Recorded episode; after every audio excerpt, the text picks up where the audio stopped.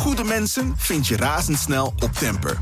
Plaats je shift op het platform en kies zelf uit duizenden freelance professionals op basis van hun ratings en skills. Van 1 tot 100 man, voor één shift of regelmatig, je vindt ze op Temper. Al vanaf 18,90 per uur. Temper, shift your workforce. De Perestroikast. Een blik op Oost-Europa.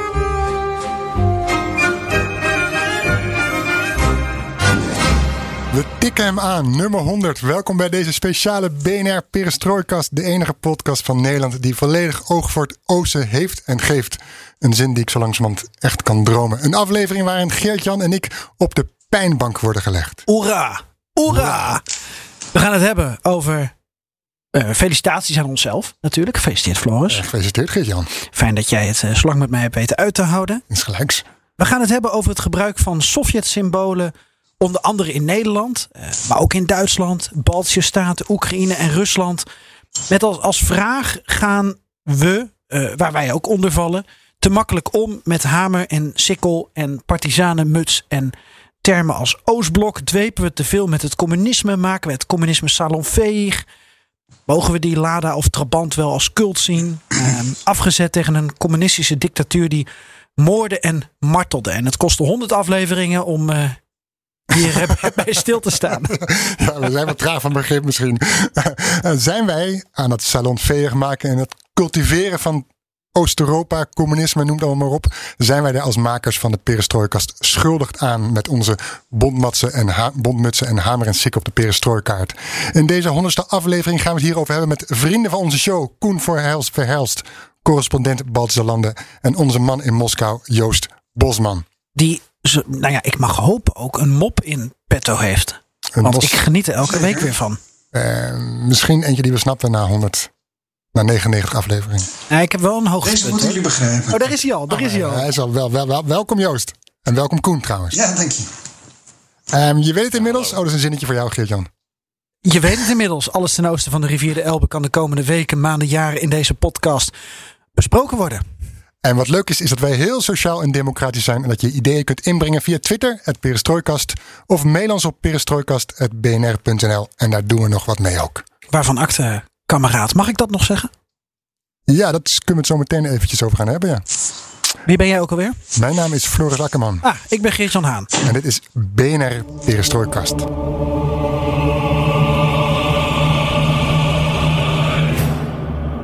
Normaliseert het Westen communistische symbolen. En hoe gevaarlijk of schadelijk is dat? Mhm. Of niet? Zijn wij veel te woke bezig door dit überhaupt ter sprake te brengen? Ja. Koen, um, dit idee, of in ieder geval deze discussie, uh, is toch wel, zo kunnen wij stellen, bij jou begonnen. Wij waren de aanleiding en jij werd een beetje boos. Vertel. In onze WhatsApp-groep. Ja, nou, dat, uh, dat klopt. Uh, de origine ligt eigenlijk Nog steeds, wel, nog steeds. Uh, alle, ja, dat, dat zit, zit heel diep, hè? Mm -hmm, ja, Als je ja. eenmaal in het, in het zogeheten Oostblok woont... ja, waar ik, dat, dat, ik heb sowieso moeite met die term. Dat, dat, dat, dat jullie al doorschemeren. We kunnen ook natuurlijk discussie voeren over of Oost-Europa wel bestaat. maar het begon eigenlijk inderdaad met, met de perestrooikaart. Wat op zich natuurlijk een een heel goed uh, initiatief is om uh, ja, de, de, de overblijfselen van geschiedenis uh, in, in ons eigen land te kunnen zien. maar op die kaarten staan ook een bepaalde categorie waar, waar de hamer en de sikkel gebruikt wordt. Um, en dat, dat vond ik nogal, nogal opvallend. Want ja, de hamer en de sikkel, dat is toch, de, toch het embleem wat eigenlijk voor, een, voor de helft van Europa 50 jaar gelijk stond aan marteling, deportatie, onvrijheid uh, en allerlei andere uh, ellende. Uh, die met, met heel veel moeite uiteindelijk is bevochten en waar dan uiteindelijk dus ja, zo'n 30 jaar geleden vrijheid en herstelde onafhankelijkheid uit voortgekomen is. maar door, die, door dat soort symbolen dus te gebruiken in, in het dagelijks leven, losgezongen van, dat, ja, van die ellende, ja, doe je het eigenlijk een beetje tekort in mijn optiek. Um, het, het, het, het, risico is natuurlijk dat het uh, richting een Godwin uh, gaat. En dat ga, ik, dat ga ik dan meteen ook maar even ontzenuwen. Uh, want daar, daar heeft het natuurlijk wel allemaal al, van alles mee te maken. Omdat wij uh, in West-Europa zouden we bijvoorbeeld nooit, ook al zouden we een, een perestrooikaartachtig project maken over de overblijfselen van Nazi-Duitsland in ons land. We zouden nooit een swastikaatje gebruiken op de kaart als icoontje. Dat zou gewoon te onsmakelijk zijn. Um, en dus ik wilde eigenlijk die discussie aanzwengelen om inderdaad uh, ja, de nabijheid van uh, het leed dat het communisme en dan met name de Sovjet-Unie heeft uh, ja, berokkend in Oost-Europa, dat, dat die toch te, te weinig bekend is bij ons in Nederland, maar ook in andere West-Europese landen. Dat het daardoor eigenlijk heel makkelijk is om ja, lollig of laten we zeggen als een soort van fascinatie, met een nostalgie. Uh, om te springen met al die symbolen. En, mm -hmm. uh, en dat is een discussie die ik graag wil voeren. En volgens mij is dat ook niet iets wat uh, deze aflevering meteen als een afgerond onderwerp dient te worden afgesloten. maar we ook ja, de, de luisteraars en, en, en hopelijk zelfs, nou, daar ben ik heel ambitieus, maar de rest van de samenleving ook bij kunnen betrekken. Ja, zeker. zeker. Wat, wat, dan misschien wel interessant is om te vermelden, is dat wij uh, openstaan voor die discussie natuurlijk. Maar dat we wel uh, verschillende uitgangspunten hebben. Uh, Joost zit in Moskou. Jij, Koen, bent de man van de Balten. Ik weet niet of ik dat mag zeggen. Moet ik dan zeggen dat jij eigenlijk inwoner van Letland bent? Hè? Want Balten is ook alweer een, een, een nou ja, generalisatie misschien. Generalisatie. Mm -hmm. want daar heb je het ook over, hè? over generaliseren. En ik weet nog aan uh, dat jij het gesprek aanzwengelde en dat uh, mijn reactie wat medium was. Dat ik het even moest laten bezinken. Uh, maar dat ik het wel een soort van begreep. Ook vanuit jouw standpunt, vanuit jouw partner, jouw schoonfamilie. letten met een bepaald gevoel erbij. En ik bespeurde met name bij Floris dat hij zich toen nog afvroeg: waarom moeten we deze discussie voeren? Ja, uh, uh, inmiddels heb ik er ook over nagedacht. Dus ik denk. Dat weet ik. Ik geef dat, even de, de kaders ja. aan van, vanuit welk start. zo van, uh, ja, wie zijn wij als westerse journalisten om dat te bepalen of je dat wel of niet moet gebruiken? Is het niet eerder iets aan, aan de bevolking daar om te bepalen van te oordelen van dit is erg of niet erg. Dat was een punt. Ik riep ook schetsend een beetje los uit de heup geschoten van ja, daar heb je weer eens iemand die, die een vrouw slash vriendin uit die contraille heeft en die zijn natuurlijk extra fel. Um, zo noemde ik dat in de groepswhatsapp richting ja. Koen. Toen ben je er twee uh, dagen uitgepleurd, Koen. toen heb ik Koen daarna tot gisteren of tot, tot nu niet meer gesproken. en uh, dus ja, ik zat daar wat, wat uh, ja feller in. Ik heb, daarna heb ik nu ook wel nagedacht en ook teruggedacht aan gesprekken die ik heb gevoerd in, Oost-Europa en ook met uh, uh, verhalen die ik heb gemaakt. Dus ik sta er inmiddels wel iets anders in. Dus wat dat betreft heeft Koen zijn, zijn doel al wel bereikt, in ieder geval bij mij. Um, dus zo is het ontstaan. Ik, als ik even vrij mag zijn, ik ben nog even trouwens in mijn eigen huis gaan rondkijken. Dat geldt misschien ook wel voor Geert Jan en ook wel voor Joost. En ik weet niet hoe Koen het bij jou is. Maar um, over wat voor Sovjet Prularia ik zelf allemaal niet heb. Uh, qua nostalgie en, en, en, en dat soort dingen. Dus ik heb hier voor me een, twee bekers staan. Even kijken. Oh ja. Uh, een witte is, mok. Uh, een witte mok met Dobro Ultra Rodina. Dus uh, goedemorgen, Moederland. Mag ik hem zien? Kan ik hem even opdraaien? Twee pioniers en bovenin hamer en sikkel in het klein. Oh ja. Ja. En dan. Niet meer. Zullen we er foto's van maken en op onze Twitterpagina ja, zetten? Ik heb er een foto van gemaakt. Een eentje die de 70 jaar oktoberrevolutie viert. Ook een beker. En dan heb ik hier een foto uit uh, 1938 van het Manegeplein in Moskou. Uh, met Hotel Moskou op de voorgrond en een tram en wat mensen die daar rondlopen. Dus uit 1938, dus ook Sovjet-tijd. Ik, zou, kan me haast niet voorstellen dat ik zelf een foto uit 1938 van Berlijn uh, op mijn kamer zou hebben. Dan associeer je meteen, hé, hey, dat is uh, nazisme of dat regime onder Hitler. Blijkbaar is dat toch iets anders. En daarnaast, naast die foto heb ik dan wel weer een foto van Sakharov, die ik wel bewonder. Om ook een beetje die tweeslachtigheid die in mij zit, blijkbaar over aan meerdere mensen uh, mee kampen uh, aan te geven. Waarom heb jij die paraphernalia? Waarom heb jij die, die twee mokken? Waarom heb je dan die foto uit 1938? Weet je dat nog? Waarom je ze hebt aangeschaft of in je huis hebt uitgestald? Die, die heb ik die, die met die pioniers, die rood-witte, die heb ik gekregen van iemand toen ik zelf in Moskou zat. Je hebt niet teruggegeven? Uh, niet teruggegeven. Die, ik heb er nog een soort gelijke trouwens daarvan. Die 70 hebben we gevonden hier. Kregen we van iemand die hadden gevonden op geloof ik op zo'n uh, brokantenmarkt. Ergens in, uh, in België, Nederland. En die foto zelf, je hebt een prachtig fotomuseum in het centrum van Moskou bij de Oktoberfabriek, dat nu zo heel, heel happening is. Of heel, heel hip is of was. En daar hebben die foto gekocht als een tentoonstelling over de Sovjet-Unie of Moskou van de jaren 20, 30 geloof ik. Dat was gewoon, ja, je bent in Moskou, een mooie stad, dus je bent geïnteresseerd in de historie. Um, ja, waarom heb je zoiets bijzonder. Uh, je bent op een bepaalde manier, heb je connectie met die tijd. En uh, je moet oh, ook zo wel, ook, jij niet. Ook wel, nou ja, je hebt, je hebt er gezeten, je hebt erover geschreven. Oh zo. Uh, dus je moet er ook wel op een bepaalde manier, ja, nostalgie, ja. En ja, en dan ook een foto van Sakharov, nogmaals, in ieder geval wat ik zei. Dus ja, zo is het ontstaan. En, maar ik vroeg me ook af, dan heb je echt, Jan, heb jij dit soort dingen thuis staan? Of posters, hè? we kennen ook de posters Ja. van uh, uh, Njet tegen Wodka, Die een beroemde. Sovjet-poster. Ja, die, eh, die hangt in mijn keuken. Ja. En ik heb veertig van die posters. 40? Niet allemaal eh, opgehangen. Oh, ik dacht, oh, ik ben vaak wel. Nee, maar ik weet nog dat ik in Sint-Petersburg studeerde. En eh, dat ik eh, die eh, ja, Sovjet-posters zag. Die werden dan in mapjes van 20 eh, verkocht. En het trok mij aan Mhm. op dat moment. Het, het waren mooie schetsen. tijdsgeest. Ik, ik, ik ken die tijd niet. Dus ik kan er eigenlijk ook geen nostalgie naar hebben. Maar iets van iets spannends. Ja, het, het, het, het is een. En eh, Koen heeft dat eerder, geloof ik, orientalistisch genoemd. Eh, en ja, dat vond ik ook wel een interessante. Ik ben er wel over gaan nadenken. Ik heb hem nog niet uit mijn keuken nee. weggehaald. Nee. Maar ja, eh, het is wel een hele interessante discussie. Ik Ja. weet niet hoe dat bij Joost. eh, Ja, wat heb jij, Joost, Zit. thuis staan? Nou, je woont in een Sovjet-flat, dus Nou, dat, hier- dat is al. eh, Hier, hier, in, ja, hier in Moskou eh, moet ik bekennen met eh, als risico dat ik door eh, Koen van alle fora, fora ontvriend word. Dat ik een, een, al twintig jaar geleden heb ik die gekocht in Nederland. bijna twintig jaar geleden. Een, een knalrood trainingsjackie met daarop blinkende witletters SSSR.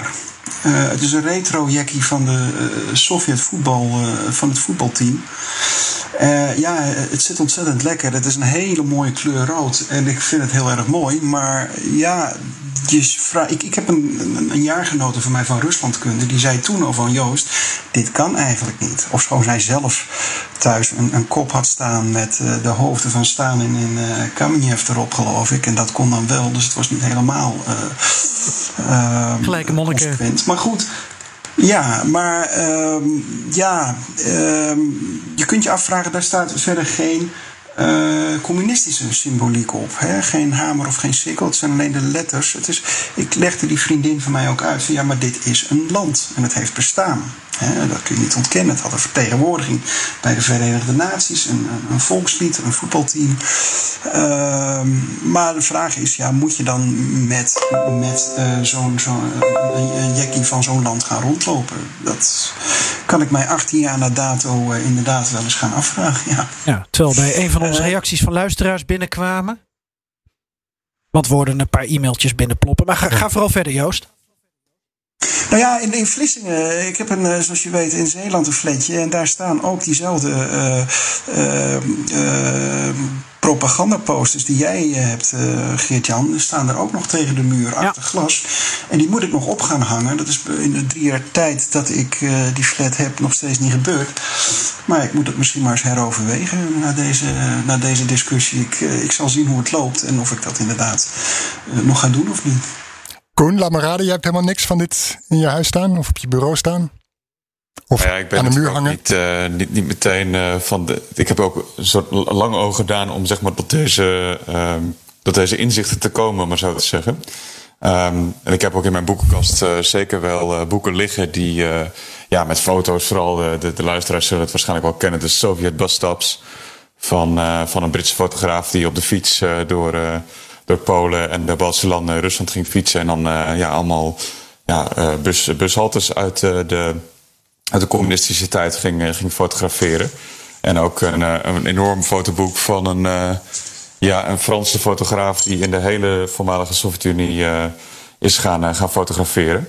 En, ik, en ik vind dat, weet je, dat zijn hele, hele interessante boeken. Er zit heel veel in over, over Sovjet-architectuur en hoe, ja, dat het helemaal niet per se eh, grauw en, en, en, en lelijk en zwaar op de hand was. maar ja, tegelijkertijd hebben die boeken ook wel tot. Ehm, ja, is het ook wel weer een soort, wat, ik, wat je inderdaad al aanhaalde, een soort nieuw Orientalisme van. Ja, we bepalen als, als, als West-Europese beschouwers, fotografen, bezoekers aan de regio nog steeds hoe deze hoe deze uitingen van, van, van communistische cultuur en laten we zeggen, ja, de, de, de, de, architectuur ook en zo, hoe die nu nog steeds eigenlijk gecategoriseerd en beleefd worden. Dus ik heb die boeken nog steeds liggen, maar ik heb bijvoorbeeld wel. Um, ik had een tijd lang, had ik, weet ik veel, ik, had ooit in Kroatië een keer een t-shirt gekocht. Nou, daar stond zo'n, ja, zo'n typisch, um, hoe heet dat? zo'n uh, wapenschild op met van die graanschoven aan, aan beide kanten. Het was rond en dan in het midden was een soort van satirisch een tropisch eiland uh, getekend. Uh, natuurlijk om een soort van de spot te drijven met al die, um, al die wapens van communistische steden en, en landen die, weet ik veel, tandwielen en zo en enorme graanschoven in, hun, erin verwerkt hadden om hun, hun weelderige productie zeg maar te etaleren. Um, en dat was op zich, ja, weet je, dat satirische, dat was, vond ik er wel juist wel, wel, wel mooi aan. Uh, maar het werd in Kroatië zelf al meteen uh, ook uh, bekritiseerd. Van, oh, wat, is het, wat heb jij nou, wat, wat, wat, wat draag jij nou hier? Dat is toch eigenlijk niet iets wat, wat nog hoort tegenwoordig. Ja. Ik, ik vraag me ook wel af waarom we dit gesprek en deze discussie eigenlijk hebben. Aan het begin hebben we het natuurlijk een beetje uitgelegd.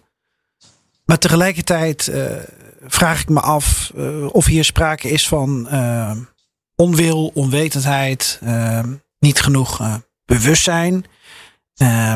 Misschien gaan we al veel te ver nu door het over die posters en die t-shirts te hebben. Want vintage, communistische vintage. Ehm, misschien is dat helemaal niet erg als je zelf ja, niet, niet dat hebt aangeschaft omdat je die associatie niet hebt gelegd met een moordend regime. We hadden ook via Twitter een polletje uh, gedaan. Zo'n 200 reacties op dit moment.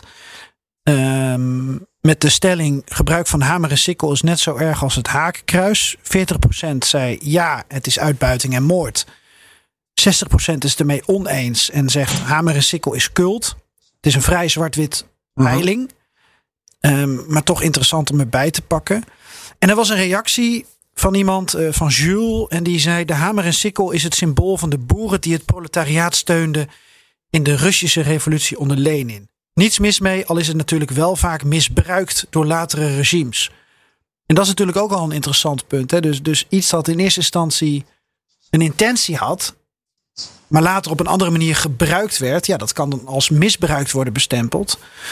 Hoe ga je daar dan mee om? Ja, of gebruikt of het wordt gekaapt in een hele setting van propaganda om iedereen dezelfde kant op te. Nou ja, is er wat mis met een socialistische helstaat?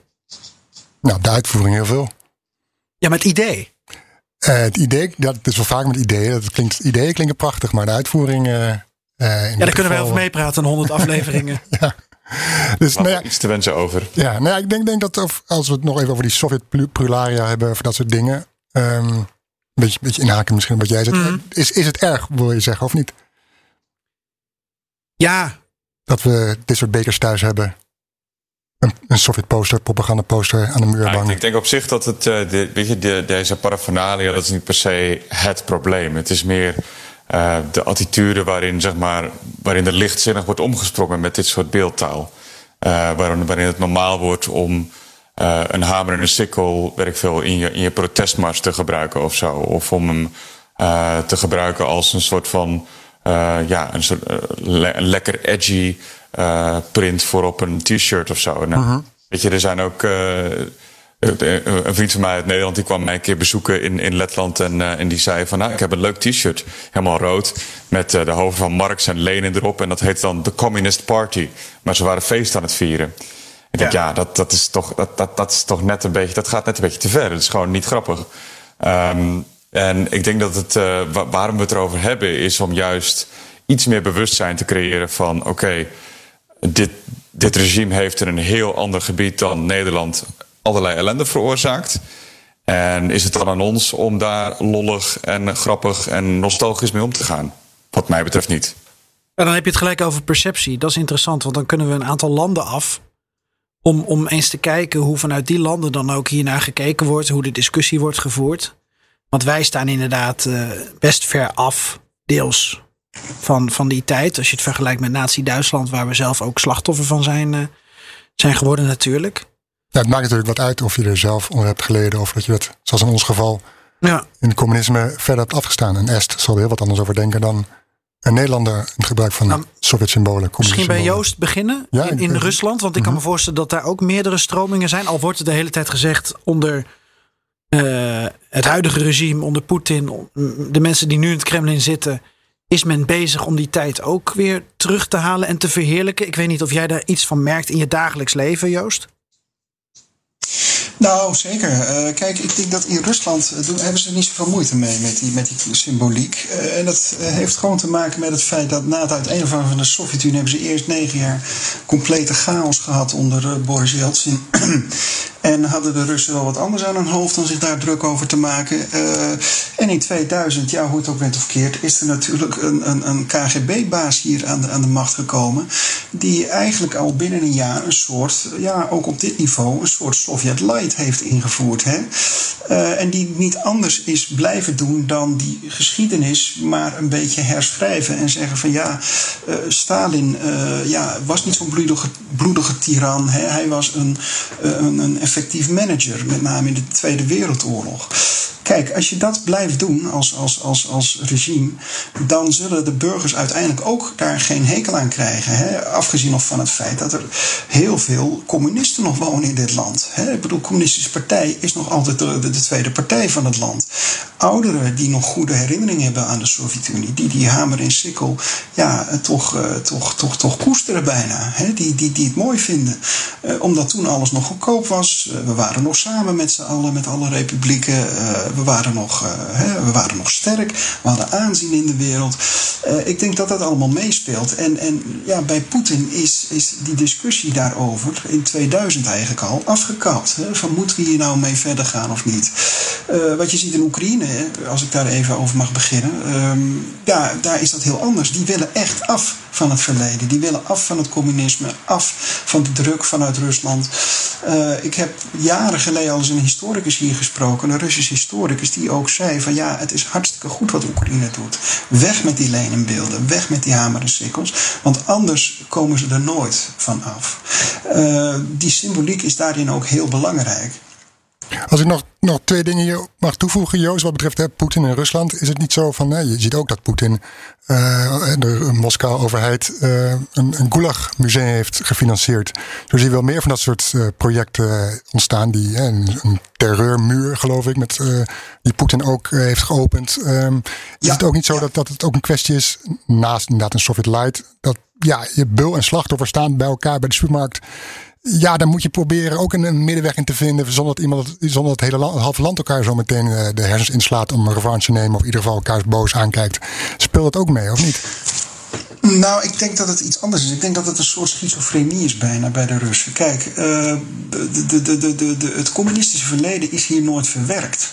He, uh, er zijn niet, ik noem maar wat, uh, als je vergelijkt bijvoorbeeld met Zuid-Afrika, nou, de apartheid, daar zijn uh, van die waarheidscommissies in het leven geroepen, waarin de beulen en de slachtoffers met elkaar praten en de, de, beulen hun excuses konden aanbieden en de, de, de, de slachtoffers hun, hun vergiffenis konden uitspreken. Dat is in Rusland nooit gebeurd. En dat mhm. komt ook doordat Poetin dat van meet af aan eigenlijk niet gewild heeft. Maar die schizofrenie komt er ook weer naar voren in het feit dat inderdaad, wat je zegt, Poetin uh, die, die, die, die, die herdenkingsmuur hè, aan, aan de Sakharov-allee het drie jaar geleden heeft geopend, of vier jaar geleden, al bijna drie jaar geleden, heeft geopend, uh, heeft, heeft onthuld. Uh, je moet ook niet vergeten dat zelfs Poetin zijn eigen vader in een gulag heeft gezeten. Hè? en dat, dat heeft iets heel schizofreens. En dat komt, ik heb wel eens met de, de, de, de voormalige, hij is al inmiddels al overleden, voormalige directeur van Memorial gesproken, hè, die die mensenrechten ook uh, beweging die, die uh, onderzoek doet al vanuit de perestroika na de, de, de, de, de, de Sovjet-terreur. En die zei, uh, juist omdat we er nooit over gepraat hebben en er nooit dit soort waarheidscommissies zijn geweest, zoals bijvoorbeeld in Zuid-Afrika, kunnen we er niet mee omgaan. we, zijn schizofreen daarin. Want enerzijds, ja, wij waren toch de goede, eh, wij stonden toch aan de goede kant, bijvoorbeeld in de Tweede Wereldoorlog, tegenover het nazisme. wij, en zij waren toch de slechte. hoe kan het dan dat er toch nog tientallen miljoenen door het eigen regime zijn omgebracht? Dat, dat, dat kunnen ze dan daardoor heel slecht bij elkaar brengen, omdat uh, het nooit is uitgesproken. Omdat er nooit een echte discussie over geweest is. Uh En dus de Oekraïne, ja, ik twijfel ook hoor, dat, of heel Oekraïne dat wil. We hebben natuurlijk Oost-Oekraïne met Donetsk, die zullen zeker niet alle lenenbeelden omhalen, uh, omverwerpen. Die verlangen nou, terug naar iets van vroeger. Integendeel, uh, integendeel. Die, die, die denken dat aansluiting bij Rusland een terugkeer naar de Sovjet-Unie is. Wat natuurlijk ook een misvatting is. Want zo, die, die Sovjet-Unie, zoals we weten, is dit jaar al 30 jaar voorbij en komt ook niet meer terug. Uh, maar dat is toch wat de mensen daar geloven. En daarom, uh, ze denken als we maar hè, bij Rusland aansluiting vinden in, in Donetsk en Luhansk, dan, dan wordt het leven weer zoals het was. Met name de ouderen hebben dat. En ja, dat is natuurlijk niet zo. Nee, maar ik denk niet dat het heel Oekraïne is trouwens. Ik bedoel, als je kijkt naar Odessa of Mariupol, dan zijn ook genoeg mensen die die Sovjet-symbolen nog steeds uh, verlenen en adoreren. Ja, natuurlijk. Die zullen er in Oekraïne ook zijn. Zoals heel Oekraïne natuurlijk altijd nog voor een, voor een deel uh, verdeeld is. Ofschoon ik denk dat de, de, de laatste zeven jaar de, de, Oekraïners wel tot elkaar hebben gebracht. Uh, veel meer uh, in hun ja, patriotisme voor Oekraïne. In hun afscheid willen nemen van het communistische verleden, van het Sovjetverleden. Ik denk dat dat. Ik, ik, weet niet of daar, daar zullen ongetwijfeld peilingen over zijn. Maar ik denk dat dat aantal Oekraïners vele malen groter is dan we dat zeven jaar geleden hadden. Toen was Poetin bijvoorbeeld nog de populairste uh, voor de Maidan en voor, uh, voor de oorlog begon in Oekraïne. Uh, was Poetin nog een van de populairste politici in Oekraïne, onder Oekraïners. Mm -hmm. en dat, dat is nu natuurlijk helemaal niet meer zo. Dus dat, dat, dat is wel veranderd. Hoe, kijk, um, hoe kijken jullie naar de jeugd? Ik was altijd benieuwd. Het heeft ook te maken met dat ik zelf ben afgestudeerd op het schrijven van een, uh, een scriptie over nostalgie. En of je dat uh, terug kan zien in uh, stemgedrag bij verkiezingen. Dus door het stemmen op communistische partijen. Maar ook op partijen die iets van, van verlangen en hang naar het verleden propageren. Tegelijkertijd zijn er zoveel mensen, ook in Rusland, ook in Oekraïne, die al die tijden niet hebben meegemaakt. Um, en die toch lopen te dwepen soms met die symbolen. Wat, wat, wat is dat dan? Floris, heb jij daar. Oh, ik, ik ja, nee, ik, ik weet ook niet aan wie ik die vraag moet stellen. Ik, ik stel hem een beetje open. Misschien aan Joost, misschien dat Koen vanuit de Balte daar een idee bij heeft. Maar ik, ik zit daarover over na te denken dat ik daar Nou, nooit echt een ja, vinger achter kon leggen. Het punt is dat, dat, dat de meeste eh, de communisten eigenlijk best populair zijn. En steeds populairder worden, ook onder jongeren in Rusland. Die zelfs de, de juiste communisten eh, het communisme niet meer bewust hebben meegemaakt. Eh, misschien dat ze daarom ook juist eh, toch de aantrekkelijkheid ervan zien. En niet meer weten wat er nou zo vreselijk aan was. Niet per se de Eh, hang naar iets ouds, maar eh, hang naar verandering. En misschien dan iets ouds, Ja. want daar hebben ze goede verhalen over gehoord. Ja, nou ja, precies. En, en, en ook ehm, wat je ook hoort vaak is een soort, soort ehm, ja, ehm, samenzweringstheorie onder jongeren. Hè. Eh, ik heb een vriend die heeft dat heel sterk. Eh, die is communist geweest. Inmiddels heeft hij ook dat laten varen. Maar die jongen die is 32. En die zegt, ja, er bestaat iets. Hè, de, de, de, de, het Poetinisme, het Trumpisme, eh, eh, kapitalisme, wat ook maar. Het zijn de regerende elites eh, hè, van deze wereld tegen het lagere volk. Het gaat niet om eh, communisme of kapitalisme. Het gaat om eh, die, die, die, die, die, die elite die, die, die samenspant met elkaar. En die ons, het gewone volk, eronder willen houden. En dan kom je toch ja, vrij snel bij, bij een soort communistische denkbeelden uit misschien. Hè, van, van overal gelijkheid en dat soort dingen. Eh, en ik denk dat daarom ook eh, het communisme bij veel, veel jongeren hier in Rusland eh, toch, toch wel steeds populairder wordt. Ja, ik weet nog dat ik een meisje sprak bij metrostation Koerskaya. Hè, dat is het station waar in de, bij, het, eh, bij het entree is, waar is toen een stuk of een regel uit het volkslied eh, eh, in, in de muur werd teruggevoerd, gebeiteld met daarin bewieroking of bewondering van Stalin. En toen sprak ik haar, wat, wat vind je van hè, dat, dat die leuze of die, die, die zin uit het volkslied is teruggebracht? Zij wist Ze was 18 jaar, zij wist wat allemaal mis was gegaan. Alle misdaden onder het communisme. Maar toch zei ze, gaf ze, vond ze het mooi. En, en ging haar hart uit, of in ieder geval haar voorkeur uit. Of in ieder geval haar, haar steun uit naar Stalin. Omdat hij uh, Rusland of de Sovjet-Unie juist weer groot had gemaakt. Dus dat aspect, dat groot maken, wat je door de, in Poetins hele politiek ziet, dat zag je ook in dit argument bij een meisje van 18, inmiddels is ze waarschijnlijk 28, uh, zag je terug de voorkeur toch voor het grootsheid van Rusland. En de mensen die, wij ook, die toen zijn gestorven, is met gebeurd om Rusland groot te maken. Dat was een groter doel, groter streven. Ja. Koen, waarom kiezen de Baltische landen niet voor grootsheid? Waarom willen ze graag zo, zo klein maar fijn zijn? Ja, ze hebben natuurlijk een uh, bevolkingsmatig uh, probleem wat dat betreft. met uh, ja, met minder dan 6 miljoen, of net iets meer dan 6 miljoen in totaal. maar nee, het gaat natuurlijk vooral over een, over, ja, over een slachtofferschap, zullen we maar zeggen. er kan nog veel gezegd worden over, over, over, over Balten die zelf ja, natuurlijk 50 jaar, in die, die 50 jaar bezettingstijd hebben meegewerkt met, met de Sovjet-bezetters. Maar uh, het feit is in elk geval dat uh, tegenwoordig uh, al, al sinds de vroege jaren 2000 zowel nazi- als communistische symbolen verboden zijn in alle drie de Baltische landen. En dat, nou, dat heeft te maken met dat, dat, dat, er soms wel eens demonstraties plaatsvonden van um, ja, meestal dan uh, Russisch sprekende radicalen die, uh, die ja, toch terugverlangden naar een tijd dat, dat het land, dat bijvoorbeeld Letland of, of Estland onderdeel uitmaakte van de Sovjet-Unie. Dus het spitst zich met name toe op protestmarsen. Daar mag je dus geen, geen Sovjetvlaggen, geen hamer en sikkel en geen rode ster demonstreren. En het gaat inmiddels een, steeds een stapje verder. Uh, er wordt bijvoorbeeld, uh, een aantal jaar geleden is op, een brug in Litouwen zijn er uh, vier beelden weggehaald die symbool stonden voor ja, communistische innovatie. Dus, ehm, die zijn weggehaald. natuurlijk al, al veel eerder zijn alle Lenin-beelden weggehaald. Dat is meteen al in de jaren negentig gebeurd. en inmiddels ja, is het eigenlijk heel kijk je heel vreemd op als je nog zoiets ziet in die, in die richting. Er zijn natuurlijk nog wel wat gebouwen waar bijvoorbeeld soms nog een, een rode ster bovenaan staat. Of uh, nou, je hebt een, eh, een deel van de boulevard langs de rivier in, Riga, in Letland, waar, waar nog hamers en sikkels in, in de, ja, wat zijn dat, in de, in de hekken verwerkt zijn. en die worden langzaamaan worden die dan vervangen door, door een nieuw ontwerp. Ehm, maar in, elk geval, ja, de, de grootsheid wordt natuurlijk niet zo gevoeld in die landen. Het gaat veel meer om van ja, we hebben 50 jaar stilgelegen. Uh, we zijn 50 jaar overheerst geweest. Onze, onze intellectuelen, onze uh, talloze politici zijn gedeporteerd naar de Gulag. En, en, en, dat hangt natuurlijk voor, voor, de, voor de bevolking van de Baltische landen heel erg samen met die symboliek. Ja, met onderdrukking. Ja, Tegelijkertijd gaat het niet allemaal op de brandstapel, want jullie hebben een grutto-park in Litouwen. Ja, in, uh, in Litouwen heb je het, uh, inderdaad het uh, Gruto Parkas. Dat oh, betekent letterlijk het, het, het moeilijke park.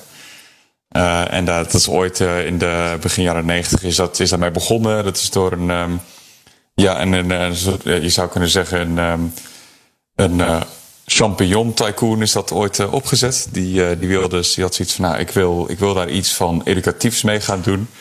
Dus die heeft in de jaren negentig toestemming gevraagd van de toenmalige regering in Litouwen van... hey, mag ik al die beelden in bezit uh, krijgen en mag ik ze dan uitstallen in een park? Dus dat heeft hij gedaan.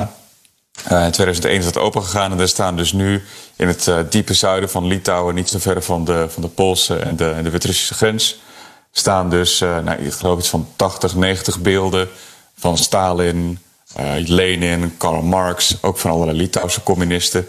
Uh, en die staan daar bij elkaar in een soort van vervreemdende omgeving. Weet je, een buste van Stalin aan de voeten van een ander Stalin beeld. Weet je, dat soort gekke uh, ja, tafereelen krijg je dan. Uh, het is ook wel controversieel geweest, want ze hebben ook een aantal andere ja, re recreaties gemaakt. Dus een, of, of, laten we zeggen, geen recreaties, maar ehm, reconstructies. Van een uh, bijvoorbeeld. Um, uh, en dat, dat, dat schoot sommige nabestaanden of mensen die zelf in de gulag gezeten wel iets te ver.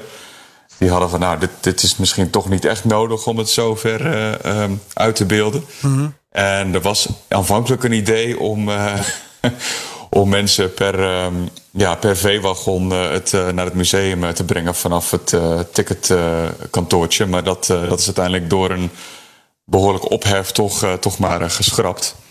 Maar het idee staat wel in die zin dat er dus in elk geval een plek is in Litouwen waar je dus naartoe kan gaan om jezelf te onderwijzen, om te leren over de, de verschrikkingen van het communisme. En dat, dat gaat dan aan de hand van die beelden, maar ook aan de hand van dus ja, allerlei reconstructies die ze daar hebben, hebben neergezet. Dus... En weet je, dat is, uh, ja, dat is misschien de manier om toch uh, weet je, die beelden weg te halen van hun vererende plek.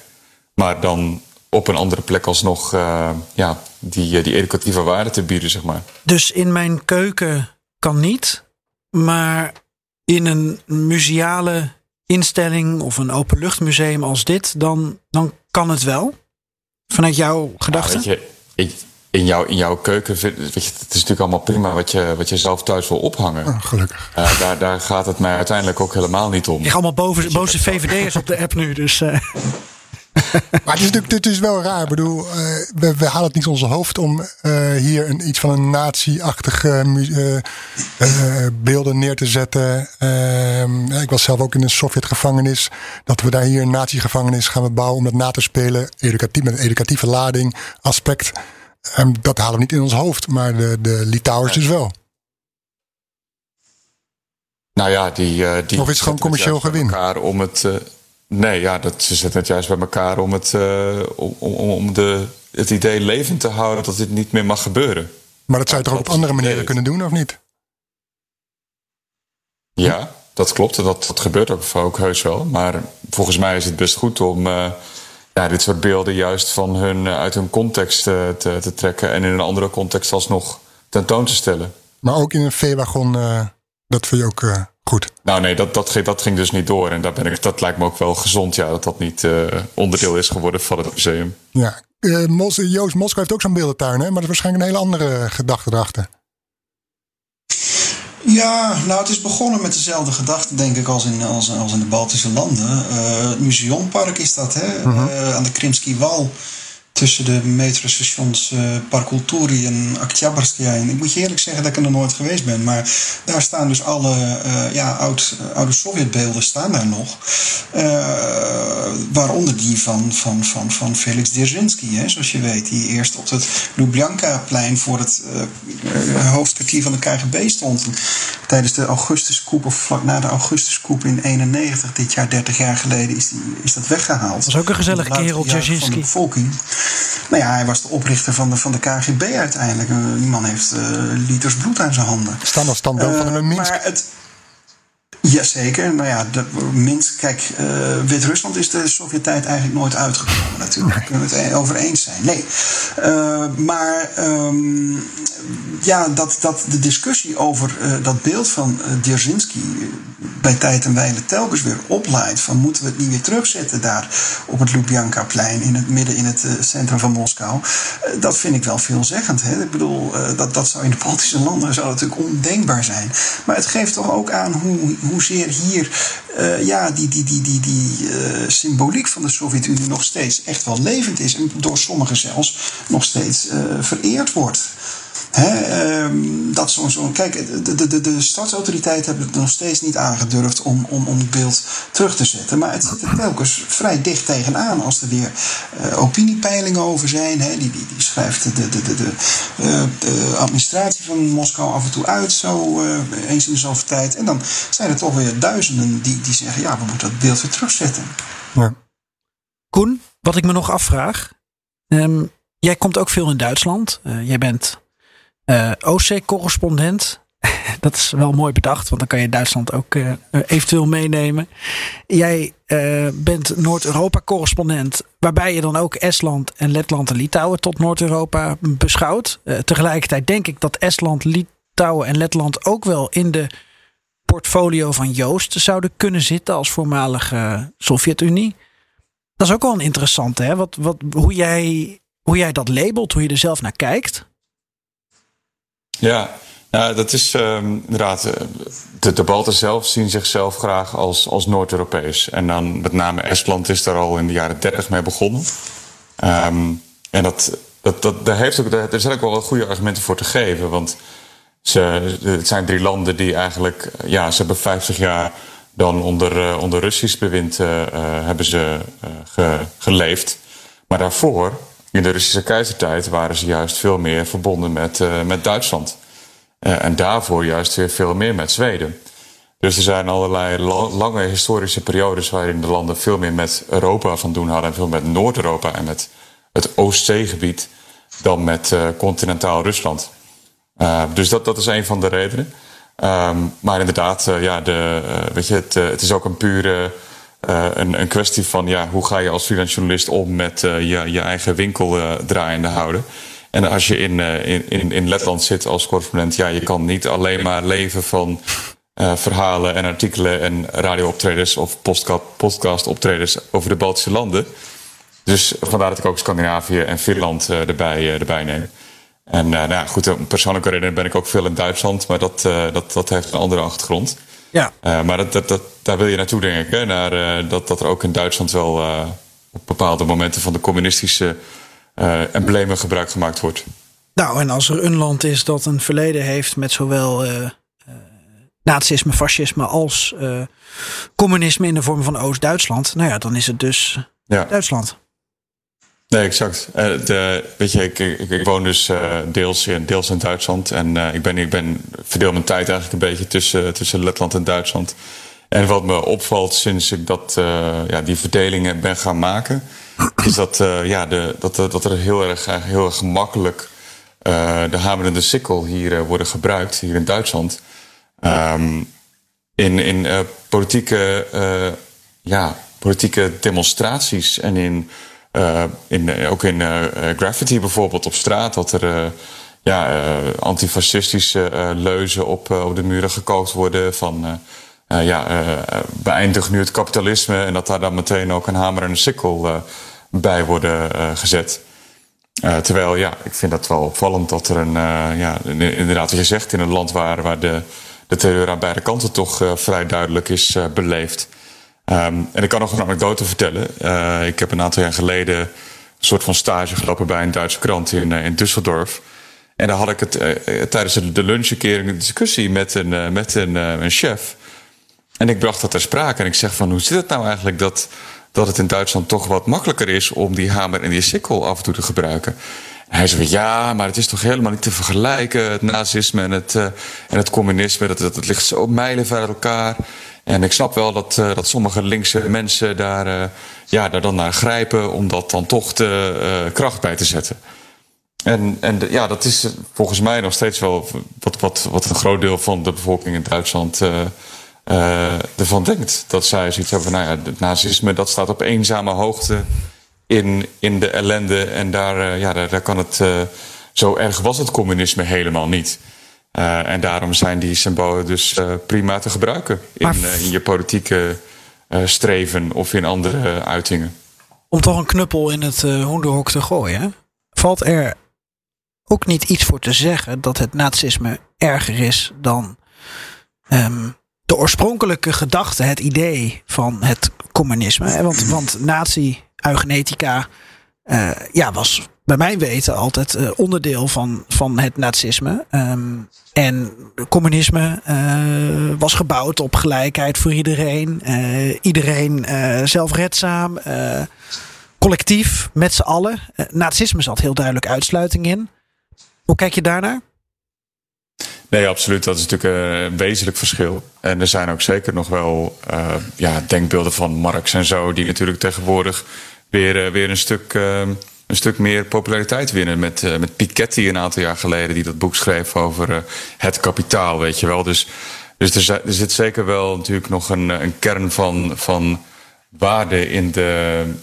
Sorry, mijn hond begint uh, een beetje gek te doen.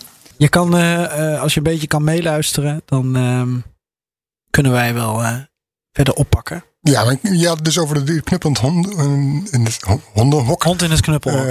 Um, We hebben dan over, over lada's en terbandjes. Uh, cult, moet je dat wel of niet als cult zien. Aan de andere kant zie je... Uh, nou, ik zat, ik zat nog bij, bij de, de filosofie achter uh, nazisme en fascisme. De trabantjes was ik nog niet helemaal. Ja, nee, maar daar kom ik ook naartoe. Oké. De, de, de, kever... Waar, die Wat heeft de kever nou weer gedaan? Die is onder Hitler gebouwd. Oh, gemaakt. Echt waar? Ja, dus oh, daarin, ja, dat vinden we... Uh, Porsche. Precies. Daar, uh, Sorry hoor. daar hoor je ons niet over discussiëren of dat uh, wel of niet cult is of, of, of dat schadelijk is. Het hakenkruis, dat vereenzelvigen we met het nazisme, met Hitler, maar dat is ook een eeuwenoud symboolgebruik, ook door andere volkeren. Wat ben jij, wat ben jij fel ineens voor iemand die vanuit een heel ander startpunt komt? Vanuit stromingen. Dus ehm, ja, dus ook maar net hoe. Mag ik er even, mag ik er even anekdotisch op inhaken? Anekdotisch alleen, hè? De hamer en de sikkel. De hamer en de sikkel. Uh, bestond al op een, een, een, een, een 1 pesos munt in 1895 in Chili. Uh, dus dat is ook helemaal niet door, door de Sovjets verzonnen. Dat, dat symbool bestond ook al. Dus maar net hoe je het maar goed, dat is kaapt en waarvoor je het gebruikt natuurlijk. Een inzet. Ja. Maar, uh, maar moeten we nog even teruggaan naar, naar nou, als je hond, waar, waar, waar Gert-Jan bezig was met communisme, ander, verstart, ander vertrekpunt dan, dan ja, nazisme? Pak hem, pak hem gerust op, Koen. Pak hem gerust op.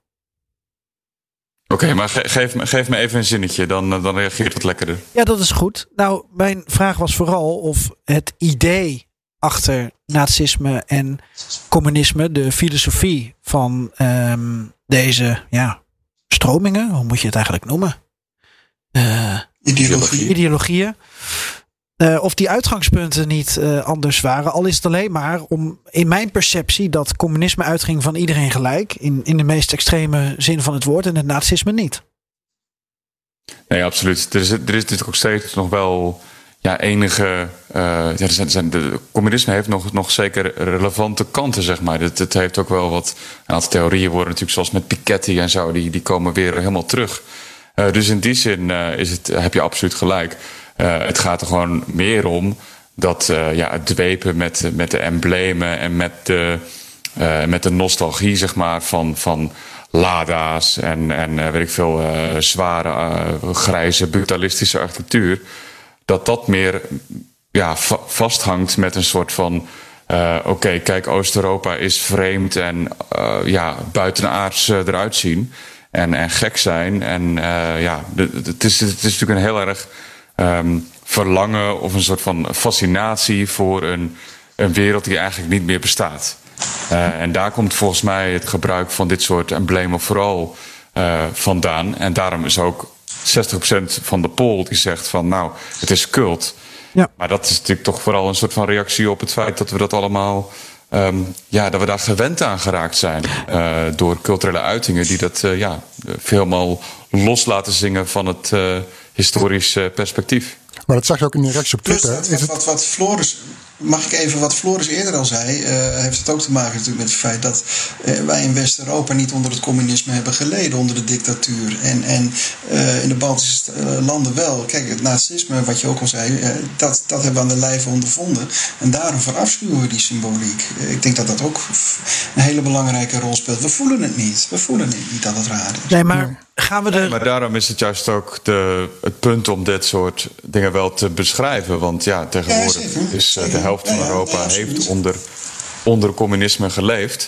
En er wordt nog Ja. steeds gedaan alsof het een, een beetje een gekke achtergebleven regio is die, eh, ja, die nog steeds niet echt op zijn eigen benen kan staan. Nou, maakt het dan ook uit. eh, als ik daarna, sorry Geert-Jan. maar- Ja, ik stak mijn in vinger op. Hè. Dat kan je als enige zien. Ja, ja. Nee, maar pak, pak, je, pak je Ehm, tijd. ehm, dat zag ik ook op Twitter terug. In hoeverre je het, eh, die symbolen gebruikt. Of zo'n beker in, in je woonkamer waar je koffie uit drinkt. Nee, ik drink geen, geen, koffie. Geen koffie. Ik vind het er mooi Eh, voor. Het is smerig. Ehm, ja, dat ook. eh, ehm, in hoeverre je iets wel of niet verheerlijkt. Kijk, het is niet zo dat als die beker hier staat. dat je denkt van. Oh, die Sovjet-Unie, prachtig. Dat is. het is niet zo dat, ik hier, dat je hier meteen Stalin Dat verheerlijkt. zei, Koen zei toch ook net, je mag doen in je keuken wat je wil. Ja, Alleen daarom was ik aan het begin benieuwd, waarom heb je dat ding überhaupt? ja, maar het is niet zo dat je het verheerlijkt daarmee. Daar is ook een verschil natuurlijk in. Nou ja, maar dat Het is niet zo dat ik meteen Stalin nu verafgroot. Nee, oké. Of, of jij met je. Maar dat, dat is dan het bruggetje dat ik wel wil maken Mhm. naar het toerisme. eh, ga je gang. Eh, en naar de eh verdienmodellen en de manier ook, de, de, de, de kijk op, op de wereld. Bijvoorbeeld westerse toeristen die dan de Elbe oversteken. In Riga heb je een café. Dat Communistisch café, Sovjetcafé. Met Lenin uh, als, als poster of als beeld, als ik me goed herinner. Ja, het, heet, het heet ook Leningrad, ja. Kijk. Ja, um, je hebt zo ongelooflijk veel plekken in Centraal- en Oost-Europa en Zuidoost-Europa waar die, die hang naar nostalgie ook wordt gevoed. Uh, de Balkan, uh, Jugo-nostalgia, daar, daar kunnen we het een andere aflevering uitgebreid over hebben. Um, soms is de scheidslijn volgens mij heel dun tussen wat is, is een museum, uh, wat, wat heeft museale waarde en, en wat wordt als een soort verdienmodel uitgebuit. Dus dat café in Riga, ja, mag Koen zo nog wat over zeggen. Ik ben ook wel benieuwd naar. Uh, in Georgië heb je Nederlanders uh, die uh, Lada's verhuren. Mhm, ja, ja, ja. Want je kan Georgië bezoeken, prachtig door de bergen rijden. Maar blijkbaar moet dat dan in een Lada. Mhm. Um, en, en nog iets, ik stuurde jullie deze week een, een krantenartikeltje door. Van, van trouwens een zeer gewaardeerde uh, uh, buitenland uh, collega. Maar dat was volgens mij een dagblad trouw. Dat er stond zin in een avontuurlijke vakantie. Probeer naar Korno-Karabach. En dat is weer volgens mij waar Koen tegen ageert. Namelijk dat mysterieuze, dat orientalistische. Dat altijd maar wordt gekoppeld aan onze regio. En waardoor wij het als media misschien zelf ook nog wel een beetje in zwang houden. Ja, dat is niet zo. In dat artikel las ik niet zo. Nagorno-Karabakh vind ik toch anders. Ja, ik las er niet in terug. Het is een heel mooi gebied. Ja, het was, het was niet zo dat... Nee, het is, het is geen nostalgische Sovjetreis. Dat geloof ik zeker niet. Nee, het, is, nee. het is wel gevaarlijk, want er wordt nog steeds geschoten en er liggen nog mijnenvelden mee. Maar het is gewoon een prachtig gebied. Het ging meer om de Dat krankzinnigheid. om te maken heeft. Ja, het ging meer om de krankzinnigheid eventueel om zo'n trip te maken dan dat het eh, nostalgie, eh, nostalgie opriep. Maar Ja, los daarvan ja. wat je daarvoor zei, natuurlijk Geert-Jan, er zijn natuurlijk allerlei, zo'n café, eh, de Balkan, eh, allerlei eh, musea en commerciële Ik heb, ook, initiatieven. ik heb ook mijn eerste reizen naar, naar Oost-Europa. Heb ik ook kaarsen gekocht van Beria en Stalin en Lenin. En, Ja, en die kan je dan thuis ja, in de fik steken. En dan smelten ze. Ja, zo kun je het ook doen. Maar nou ja, dat, je ziet dat dat dus in Oost-Europa dus ook nou, mee worstelen of in ieder geval daar. Nou, weet ik dus niet. Ik, ik, ik, ik weet wel van Koen, dat, dat heb je eerder gezegd, Koen, dat er geloof ik wel op zich aan de ene kant. Oost-Europa en mogen de Baltische landen trouwens ook niet noemen. Hè? Nee, nou ja, we- we- we- we- En ook niet voormalig Sovjet-Unie. nee, maar dat is het wel. Aan de ene kant, Koen, jullie mag wel. is er natuurlijk. Er, er is daar in, in, in Letland, Estland, Litouwen tot een bepaald niveau paal en perk gesteld aan symboliek. Maar dan heb je wel zo'n café. Ja, en Ja, je hebt nee, ook zo'n. dat, dat is gewoon toegestaan. Ja, dat, eh, dat klopt. En dat, eh, weet je, bijvoorbeeld, dat kun je natuurlijk ook niet verbieden. Dat is een hele, hele, lastige, eh, hele lastige juridische kwestie. Eh, dus daarom, wat ik eerder aan het begin zei, is dat ze, dat is, is, is dus alleen verboden binnen protestmarsen en, ehm, en demonstraties. Daar mag je geen, eh, geen eh, emblemen van, van, de, ja, de Sovjet-Unie met je meenemen. En ook niet van Nazi-Duitsland. Maar inderdaad, een, een café zoals, zoals Leningrad in, in Riga, dat mag gewoon.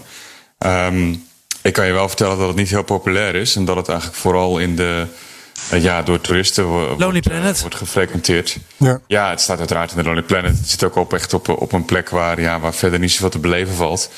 Eh, dus het, heeft weinig om het lijf, wil ik maar bijna zeggen. Ehm, en weet je, tegelijkertijd zijn er ook eh, natuurlijk heel veel eh, aanbiedingen van... ja, je kan eh, naar een Sovjetbunker in, eh, in een van de nationale parken. Je kan in Litouwen kun je een oude lanceerbasis voor atoomraketten bezoeken. In het grootste ho- hoogste hotel van eh, Tallinn in Estland heb je een... dan kun je de geheime eh, KGB-verdieping bezoeken met een rondleiding om te zien hoe, hoe ze daar, ja, de KGB daar mensen afluisterden. Dus elke keer als ik zoiets tegenkom, denk ik van, oh, dat is toch wel interessant. En dan meestal draait het uit op een toch wat meer educatieve instelling. Oké, met een misschien met een grapje hier en daar. Maar wel met het idee van, we gaan die West-Europeanen toch laten zien hoe moeilijk en hoe ellendig het hier was in die, in die tijd. Dus als het een educatieve functie linksom of rechtsom heeft, dan, dan vind je het kunnen. Nee, ja, dan, dan dient het natuurlijk een doel. Anders dan wanneer je alleen maar, eh, weet je veel, eh, Floris die vertelde van de week dat hij dus eh, had begrepen dat er ook wel eens, eh, dat, je, dat je ook rondleidingen kan boeken in per, per, per touringcar. En dat je dan ergens halverwege ineens eh, aan de kant wordt gezet door eh nep-politie in een lada.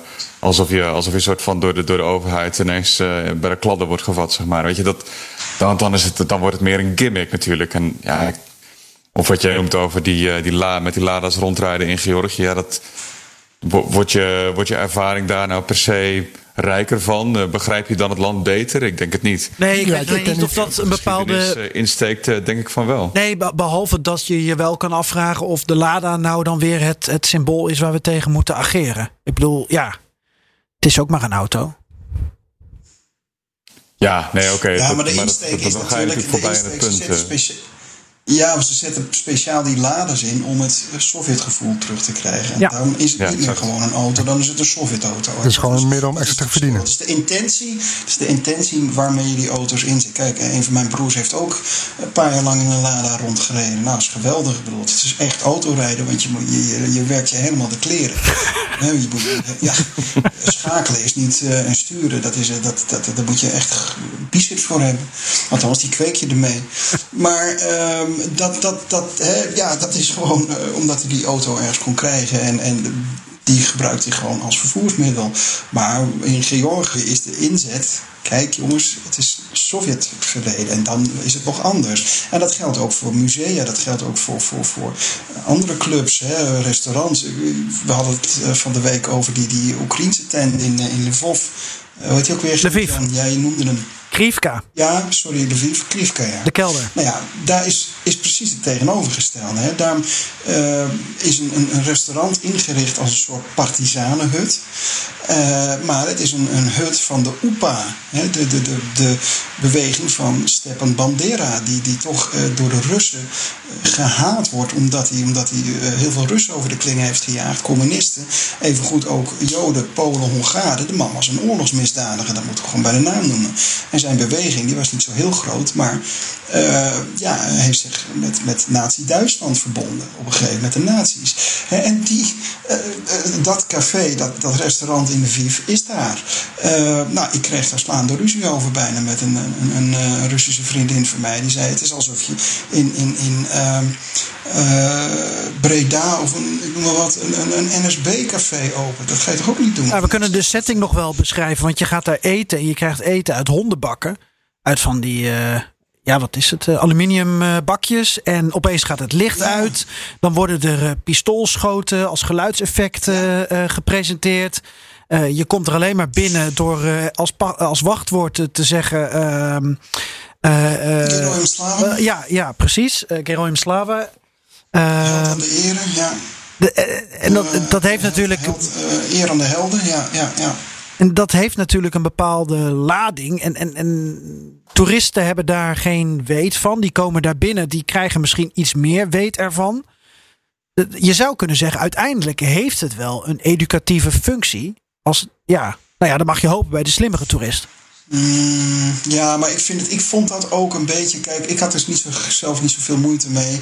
Ook omdat ik er niet vandaan Ik heb niet meegemaakt. Maar eh, eh, achteraf gezien is het ook een beetje onsmakelijk. Omdat het is niet educatief. Het is een, een model om klanten te lokken. En eh, er, loopt een man in zo'n zo partisanenuniform rond, inderdaad, met een klappenpistool. Af en toe begint hij te schieten. Je schrikt je wezenloos. En hij begint ook mensen uit te schelden. Ik zat op een gegeven moment zat ik de menukaart. Dat is gewoon zo'n uh, ja, een stuk papier waar dan de, de, de, de, gerechten op geschreven staan, staat het te lezen. En hij komt langslopen en hij zegt, wat zit jij te lezen? Het zal toch de Pravda niet zijn, weet je wel? Ja. Uit te voeteren. Uh, omdat dat communistisch en Russisch was. Nou, uh, ja, het, het, is wel, uh, weet je, het, dat, dat, dat heeft weinig educatieve waarde meer. Dat is gewoon uh, een, een soort toneelstukje opvoeren om, om klanten te lokken. En, en, en ze zullen er ook echt wel achter staan misschien. Maar ik vind dat toch niet te vergelijken met bijvoorbeeld het museum, Koen kent het goed, in Riga over de, de, de onderdrukking. Hè, dat daar is echt, daar, daar, daar heb je gewoon documenten liggen, foto's, weet ik het is gewoon netjes alles geordend. Daar kun je wat van leren. maar dit, dit, dit, dit. Ik vind het ook wat onsmakelijk achteraf gezien. Nou, in Riga en Vilnius heb je uh, die KGB-gevangenis midden in het centrum. Of, uh, van die tijd nog. En hebben ze gevangenissen nog, de cellen heb je nog, kun je nog bezichtigen. En ook geloof ik in Vilnius de muur waar mensen werden geëxecuteerd. Maar dat is toch niet erg? Ehm, nee, nee, nee. Ik voeg alleen, dit is alleen een toevoeging. Maar oh, je gaat even toergietje spelen.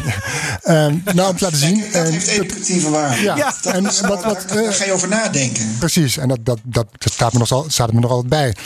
Um, nog verder over die educatieve waarde. Wat Koen zei trouwens over het aanhouden van die auto, uh, van die bus. Dat is niet het hele verhaal dat ik ken, dus misschien zat er nog een educatieve kant aan. Um, ik heb zelf ook in zo'n Sovjet-gevangenis doorgebracht in, in Letland, op zo'n nagebootse Sovjet-gevangenis uh, in Liepaja. Uh, uh, ja, dan, werd alles was Sovjet-Unie. Je moest, de, de, zo, je had een commandant, kreeg je, en die, die, die, die bulderde tegen je met, je met zijn harde stem en dan moest allerlei opdrachten uitvoeren. En als je het verkeerd deed, moest je kniebuigingen doen. maar er zat wel degelijk, legde hij uit, en ik was daar samen met Belgische scouts, was ik daar samen in beland.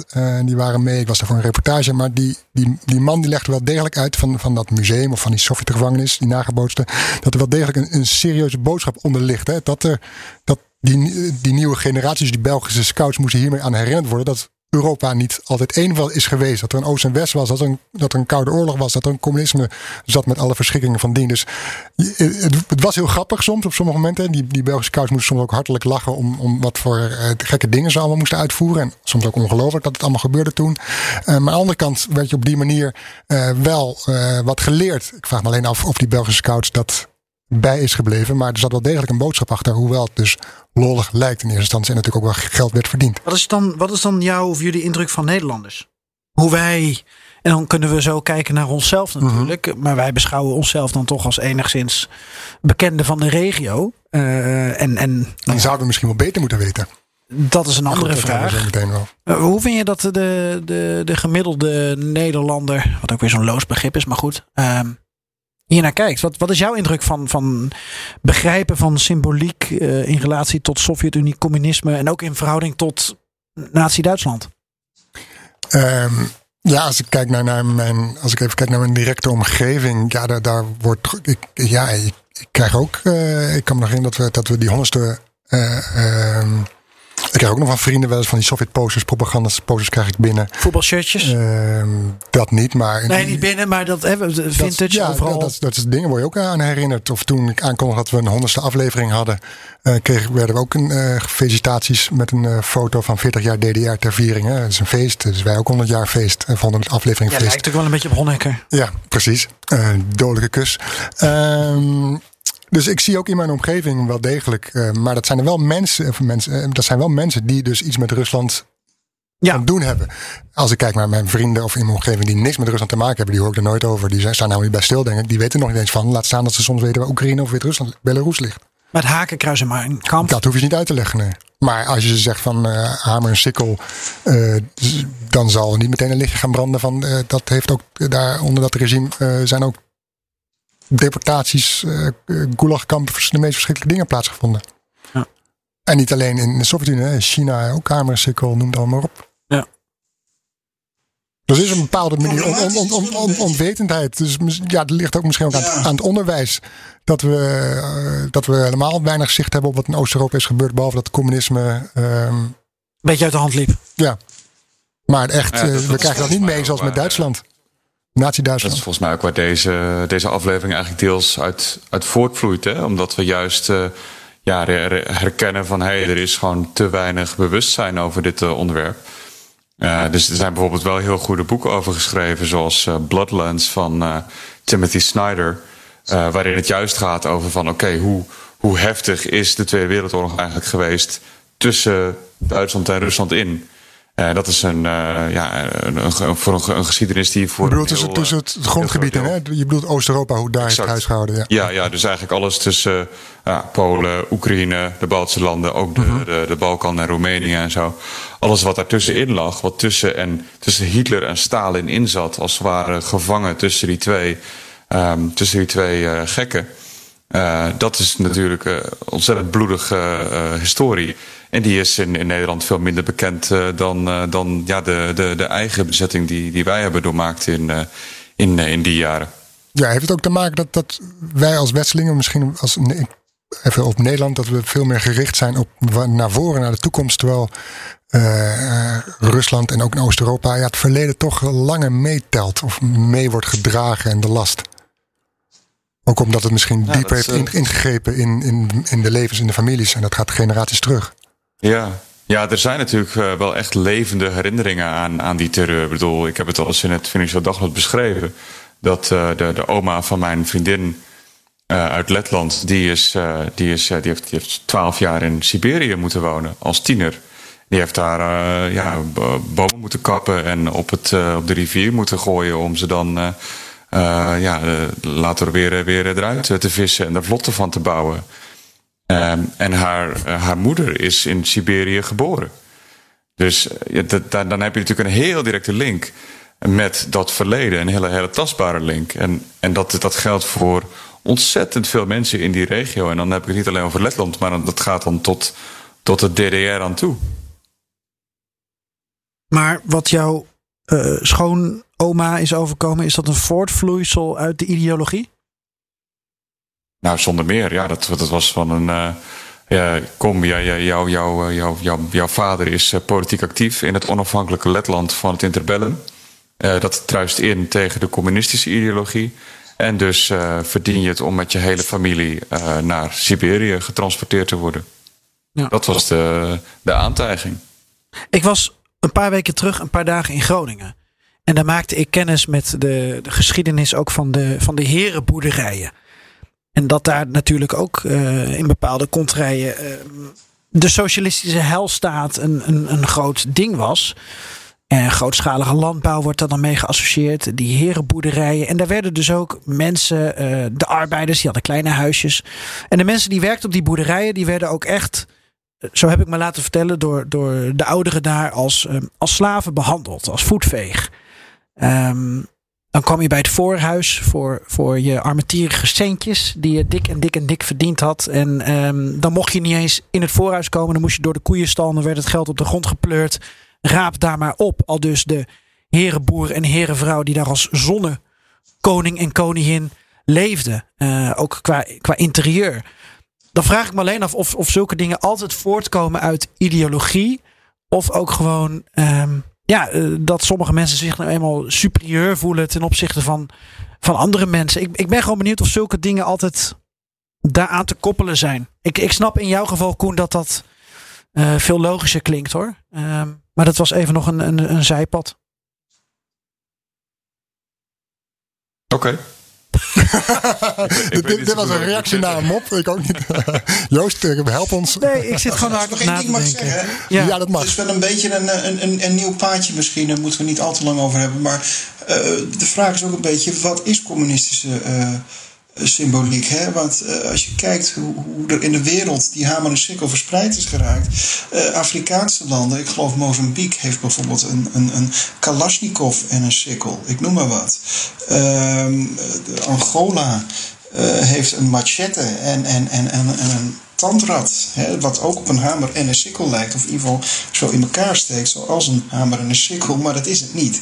Waar blijf je hè, op een gegeven moment? Uh, de meeste communistische partijen in de hele wereld, ook in landen die niks met het Sovjet-communisme en de, de tirannie van, van Stalin te maken hebben gehad, hebben toch die hamer en sikkel in hun vlag staan dat wordt een beetje problematisch ook op een gegeven moment. Ik snap heel goed dat de Baltische Staten of de Baltische landen zeggen: ja, nee, eh, wij willen dat niet meer. Dat snap ik heel goed. Maar waar, waar blijf je? Dat, dat is een beetje de vraag. Het, het, het dooit uit. En, en, en wat is op een gegeven moment nog symboliek van het communisme en wat niet? Ja, we kregen nog een reactie op, uh, op, op, op Twitter van Bob Sneevliet, uh, What's in the Name. Die ook uh, duidelijk op basis van zijn foto's ehm, ja, wel, wel enig fan is van uh, het communisme. Uh, en hij schreef wereldvreemd om te insinueren dat de hamer en sikkel verleden tijd zijn. India had recent de grootste staking ooit. Vark schoot bijna de president uit de lucht. Duizenden Filipijnen dragen dagelijks de hamer en sikkel op hun borst. En communisten stonden op de frontlinie tegen IS. Ja, Uh, nou ja, dat, die, die hamer en sikkel wordt overal nog meegedragen. Ik heb in, in, in, ik geloof op Sri Lanka eens een keer uh, de Adam Peak beklommen. Dat is de hoogste top van Sri Lanka. En, en dan begin je s'nachts te lopen. En het, het was een bizarre vertoning, want er, liepen, er, was ook een, een, een demonstratie midden in de nacht op weg naar die top. En er liepen allemaal communisten om me heen. Rode vlaggen met, met hamers en sikkels. Ja, nou ja, ik, Sri Lanka heeft een zeer bloedig verleden natuurlijk eh, met een burgeroorlog. Maar dat had niet zo gek veel met communisme te maken. ik bedoel, het, is, het is maar net van ja, eh, waar zijn welke symbolen gebruikt in welk land? En, en hoe is daarmee omgegaan? Hoe is er met het communisme omgegaan? In, in, in Rusland is dat duidelijk. In de Sovjet-Unie is er een tirannie geweest. In Oost-Duitsland ook. In heel Oost-Europa, het hele voormalige Oostblok. Maar er zijn ook landen waar, waar, dat, waar dat een stuk minder geval is. Ik bedoel, zelfs de communistische Partij van Amerika, die bestaat, heeft toch ook nog iets van een hamer en sikkel in zijn, uh, in zijn, uh, in zijn, in zijn vlag staan. Ja. Komen we bij de vraag, uh, de pijnbanker, zelfreflectie. Onze bondmutsen, onze hamer en sikkel bij de perestrooikaart. De mop van Joost. komt, dat komt ook nog. Maar moeten, moeten we dan geen bondmutsen meer doen? Moeten we die perestrooikaart veranderen en geen hamer en sikkel meer gebruiken, maar uh, ik weet 1, 2, 3 ook niet eventjes. Nee, nou ja, mag uh, ik nog kameraad zeggen tegen mag jou? Mag je nog kameraad zetten? Mogen wij er grapjes over maken? Omdat wij pretenderen dat we er meer verstand van hebben. Ja, of zouden we beter moeten, juist moeten weten? Ik, ik vind hem heel lastig. Als, als, ik kom ook nog niet uit. Ik, het, ja, het is kijk, Oostblok, het, het, het, verschillend. ik denk dat je, Oostblok zou ik niet snel gebruiken, want dat vind ik te stigmatiserend. Het voormalige uh, Oostblok. Het is toch een Oostblok geweest ooit? Het was ja, zijn wij dan het Westblok? Comecon en, en Warschau-pact, een Sovjetblok. Dan is dat toch het Oostblok, het voormalige Oostblok. Het bestaat nu niet meer, dus je moet het nu volgens mij als geografische aanduiding kun je gerust Oost-Europa zeggen, want dat is het. Koen, wat wilde je zeggen over ons, ons, ons nostalgie van de perestrooikast? Nee, ja, het, het, het, komt weer een beetje terug op, het, op waar, waar, het, waar we eigenlijk het mij om draait. Is dat het juist dat je, ja, je moet bewustzijn uh, zien te creëren onder je publiek. En dat is volgens mij het idee van deze podcast. Daarom hebben we het ook hierover vandaag. Um, en als je, dat, als je het goed inbedt, dan kan dat prima. Weet je, je hoeft dat soort dingen helemaal niet, niet, niet, weg te gummen. En dat, dat, dat raakt ook aan de, de discussie over van moet je standbeelden van van bepaalde figuren met bloed aan hun handen. Moet je die weghalen of niet? Dat, ja, je, je kan daar best een, een, een mouw aan passen. Je kan daar best uh, een plek voor vinden waar het wel kan. Um, en dat is volgens mij ook het geval voor, uh, weet ik veel, die, uh, die posters waar die, ja, die man de wodka weigert met, met zijn ferme opgestoken hand. Ja. Niet. weet je, dat, dat zijn allemaal uitingen. Dit, dat zijn legitieme culturele uitingen uit die tijd. Daar moeten we niet aan voorbij gaan, volgens mij. Um, weet je, net zoals dat uh, Leni Riefenstahl ook uh, natuurlijk relevante dingen heeft gemaakt in die tijd. Daar moeten we misschien niet te koop mee gaan lopen, maar ze blijven wel relevant om die tijd te leren begrijpen. Um, en in dat verband uh, ja, wil ik eigenlijk alleen maar een lans breken om, om meer kennis op te doen en ja, jezelf gewoon te verbreden en altijd kritisch te blijven benaderen. dat gezegd hebbende, zou ik, ben ik het eigenlijk nog wel steeds van mening dat die die hamertjes en sikkeltjes op de perestrooikaart. Hij is nog boos. Wel, uh, toch, wel iets, toch wel iets te veel zijn. En waar is de uitknop voor Koen? nou, ben je het er dan mee oneens? Um, nou ja, ik. ik, ik, ik uh, ben je het ermee oneens? Dat is heel lekker Nederlands. Uh, nou ja, ik heb wel nagedacht over. Ik zie praktisch gezien niet even snel een oplossing ook om, om die tijd uh, te herinneren. Om iets dat daar, daar van kan. Op zo'n kaart neer te zetten. Je kan er gewoon een kleurtje aan geven. Ja, je kan er een kleurtje aan geven. Gewoon rood staat voor een ja, UFO en, ja, en, precies, en geel, staat dat voor gebouw. Dat kan ook. Ja. Zouden dan moeten aanpassen. Ik ben er nog niet uit, maar ik ben er wel wat meer over stil gaan staan, ja. Kijk, maar dat, dat, is, dat is volgens mij al sowieso al winst. En dat is ook, het, wat mij betreft, was dat het idee achter deze aflevering. Door het juist wat, ja, wat, uh, wat meer vrijvormig te bespreken. Mm -hmm, en zeker. daardoor ook uh, ja, de luisteraar tot, uh, ja, aan het denken te zetten over ben ik me bewust van ja, de, de, hoe, hoe deze dingen gebruikt worden in, in, in, de, in de media in Nederland. En ben ik het daar wel mee eens of niet? Ja, want zo'n beker, dat klinkt wel leuk, maar dat was natuurlijk in die tijd natuurlijk ook gewoon propaganda om, om het volk. Ik vind die beker die kan je niet meer mee naar huis nemen. Nee, die gooi ik die, zo die, die flikker je hier op de tram. Nee, de glasbak, ja. Nee, maar zo'n beker, dat, was, dat is ook een onderdeel van het hele regime. Dat klinkt wel leuk, ziet er wel leuk uit natuurlijk, bij wijze van spreken. Tuurlijk. Dat is, dus, Ja. dus het is minder onschuldig dan het lijkt. Ja, absoluut. Het is een, een, eh, een klein tandwieltje in de propaganda. hè? Ik moet jullie eerlijk zeggen dat het rode jackie, eh, waar ik het zo even over had, met die witte letters SSSR. Wat ga je ermee doen? Dat, ik heb het hier alleen binnenshuis gedragen. nooit aangedurfd om met Wat is dit nou weer? Love a tackle. Dat komt voort. Het komt voort. Ik denk niet eens. Ik denk niet eens dat het is omdat ik bang ben dat ik mensen ermee Juist daar. In, de- zei, hier, hier in Rusland wordt er toch anders tegen aangekeken. Maar Mhm. ik heb het gevoel, wie ben ik als buitenlander om met zo'n jackie te gaan rondlopen? Dat vind ik een beetje, een beetje aanmatigend, eerlijk gezegd. Voelt het. Ja. Ik weet niet of het zo is, maar zo voelt het een beetje. Daarom heb ik het buiten nooit aangetrokken hier nog. Ja. Kun je wel een foto van Ik jezelf op Twitter moeten plaatsen? proberen als, als, als sociaal experiment. Ja, kijken wat er gebeurt. Ja. Mee in de metro gaan zitten. Ja. En een dag later met een, eh een harenkruis. Ik denk dat je wel een ander effect krijgt. Zouden wij. Nou ja, dat zou je dan ook eens kunnen uitproberen. Ja. Ik, ik, ik zit nog terug te denken aan het moment dat wij eh, eh, met onze podcast begonnen. Dat er ook eh, eh, ja, werd gevraagd aan onze collega's. eh, hebben wij om tips gevraagd voor de naam. Er kwamen allerlei varianten langs. Ook de Wodcast, de Poetincast, Glasnostcast. Je kan ze allemaal uittekenen. Het is de Perestroikast geworden. En nou, dat is al een, een overweging of een heroverweging waard. Maar dat geldt eigenlijk ook voor onze reactie toen er werd gezegd: Nou, we hebben wel een foto van jullie nodig. Want voor zover ik het me herinner, Floris, was toen de reactie. Nou, dan gaan we eventjes eh, uit de kast eh, onze bontmutsen halen. En eh, jij hebt je, je jackie van FC Sheriff aangetrokken. Ehm, Sjaal, een sjaal was dat? Sjaal. Wat is mis met bondmuts? Ja, mijn bondmutsen zie ik ook niet zo. Met, precies, ja. Dat zie ik het probleem ook niet van in. nee, nou, wat ik ermee. eh, wat ik er bre- breder mee wil, wil zeggen, en dat heeft ook te maken met bijvoorbeeld eh, als wij een eh, uitzending. We hebben een hele lange uitzending over Wit-Rusland gemaakt. ehm, waarbij ehm, Floris ook een fles wodka meenam. En eh, wat ik er dan mee wil zeggen is dat bepaalde uitingen van ons. Dat, dat wordt dan misschien gezien als eh, stereotype associaties. Maar sommige stereotypen zijn ook gewoon echt waar. Ja, Men draagt een bondmuts. Ja. Men drinkt wodka als het gezellig is. En eh, men doet ook een heleboel andere puur kapitalistische dingen. Maar niet alles is dus ehm, eh, met, een, met, een, met een, een, een zwart randje ehm, te zien. Nee, Nee. De, de Bondlust lijkt mij vrij onschuldig ook. Die, eh, die is al ook een stuk ouder dan het communisme. Koen, gelukkig. Kneep me even hoor. Ja. Dat is Shit, moeten we weer opnieuw op de foto? Mensen moeten toch een muts hebben? Ja, gewoon. Ja, kijk, zo, maar dat heb je natuurlijk bij elk land. Eh, eh, als als ze in, in, in, in, in Moskou een podcast over Nederland gaan maken, dan zitten ze daar met een joint achter de microfoon. Ja, Ja, of een stuk kaas in de bek. Ja, Ik bedoel, nou ja, goed. Dan kun je alles Nee, maar, relativeren natuurlijk.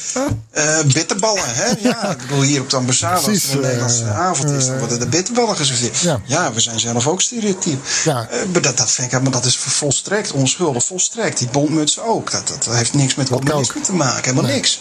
Kijk, of je moet zo'n grijze muts hebben met zo'n hamer en sikkel erop. Die verkopen ze overal nog op die souvenirsmarkten. Tot in Berlijn aan toe. Hè, dat is wat anders. Dan ga je weer over de symboliek praten, want daar zit een symbool op. Maar een bondmuts op zich is helemaal geen, eh, is absoluut niet verbonden met het communisme. Sterker nog, die hebben ze hier altijd al gehad in, in deze contrij. Oké, ja. hoe, eh, hoe ronden we hem af? Eh Koen, jij begon de, de discussie in ieder geval op de WhatsApp. En eh, je, je hebt mij wel eens boos gebeld. Van hoe konden jullie dit, hoe konden jullie dat? Je mag mij ook bellen hoor. Ik ben nu achtergesteld. Of mij. Hoe kijk je terug op dit, ehm, dit gesprek? Ja, nee, ik denk dat het heel goed is dat we het sowieso, eh, eh, weet je, dit, dit, dit, dit onderwerp hebben aangesneden. Want het is natuurlijk een, een, een heel abstract onderwerp in feite. Het is heel erg glibberig van, oh, waar gaat het heen met herinneringen, met eh, verwerking van de geschiedenis. Het is een, echt een heel, heel moeilijk onderwerp om, om ja, te bespreken als zijnde van, oké, wat moet je daar dan praktisch vervolgens mee? Hè? Ja. Eh, dus in die zin, eh, ja, ik denk dat dat, dat is in, in elk geval vind ik al heel, heel fijn dat het eh, op de agenda is, is beland. En dat- moest even door het politbureau hoor. Maar dat, dat, dat ik mijn stokpaardje heb, uh, heb mogen bereiden. En dat ik ook uh, de, orientalisme erin heb mogen fietsen. Weet je, al die, al die, al die dingen. Dat is, dit is gewoon heel belangrijk om dit soort uh, bewustzijn te creëren, volgens mij. En dat heeft dan ook wat, wat, wat, wat Floris eerder al noemde. Weet je wel, dat, het heeft echt ook van doen met dat we gewoon in Europa leven.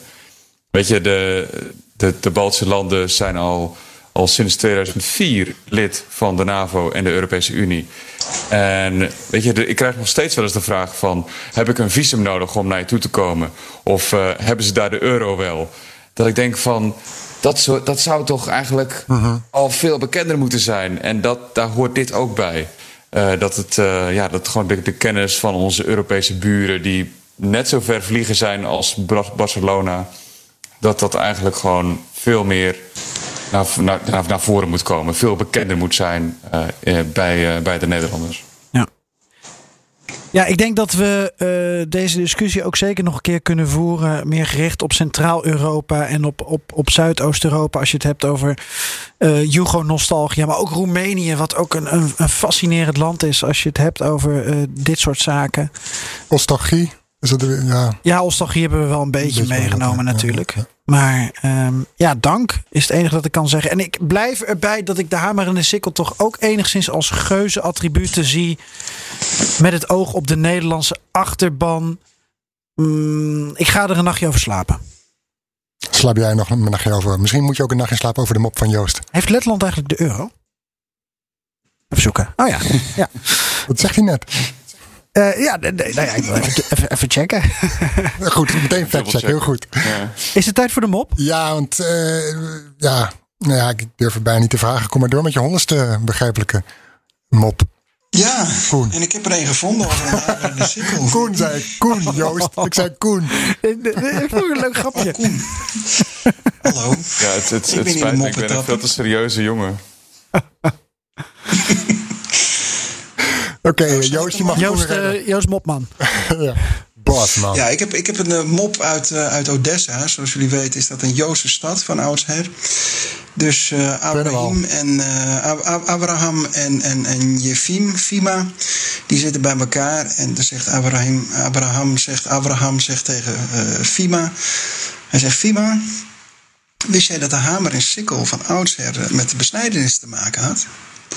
Nee, zegt uh, Jefim, dat, uh, dat wist ik niet. Ja, hij zegt, die, die, die, die sikkel kan ik me nog voorstellen. Maar waar is die hamer voor dan? Ja, voor de verdoving.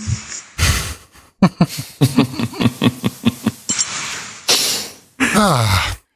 Ja, ja. Nou, een van de betere. Ja, een van de betere, ja. ja. Of de minst slechte. Uh, heb, jij, heb jij er nog eentje die is... Die, van alle honderd is er eentje die, die is bijgebleven?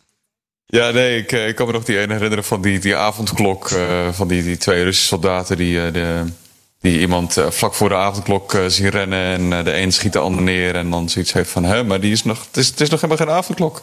Nee, maar ik weet waar die woont, dat haalt hij nooit meer. Dat, dat vond ik een goeie. ik vind dat steeds goed. Dat is ook wel heel cru. Toch? Dat is wel heel cru. ja.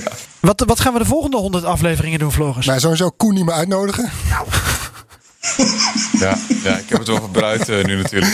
Ja, precies. Uh, we hebben nog, uh, binnenkort hebben we Rob de Wijk in de uitzending. een heel communistische reactie om meteen uh, criticasters de mond te snoeren. Ja, goed.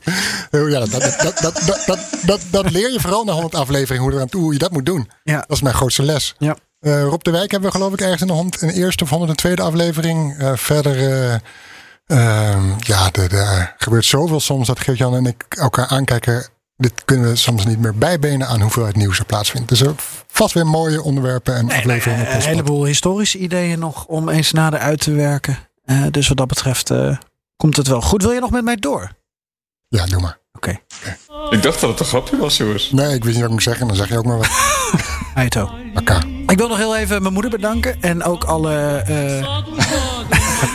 nee, en ook, en ook gewoon... We hebben nog een aantal andere vrienden van de show natuurlijk. Hè? Uh, die we honderd afleveringen bij ons Michiel Driebergen. Michiel Driebergen, Franke Hummels, Isa Yusibov, uh, Marjolein Koster, Joost van Egmond en nog een paar die we niet mogen vergeten. Ivan Roes. Een heleboel die regelmatig eigenlijk helemaal en voor niks uh, een bijdrage hebben geleverd aan uh, onze podcast. En uh, ja, tot, tot iets heel bijzonders hebben gemaakt. En we zijn zo blij met al die duizenden luisteraars die één keer in de twee weken weer op ons afstemmen. Het, het is gewoon niet voor te stellen. En we hopen dat we jullie binnenkort weer mogen knuffelen.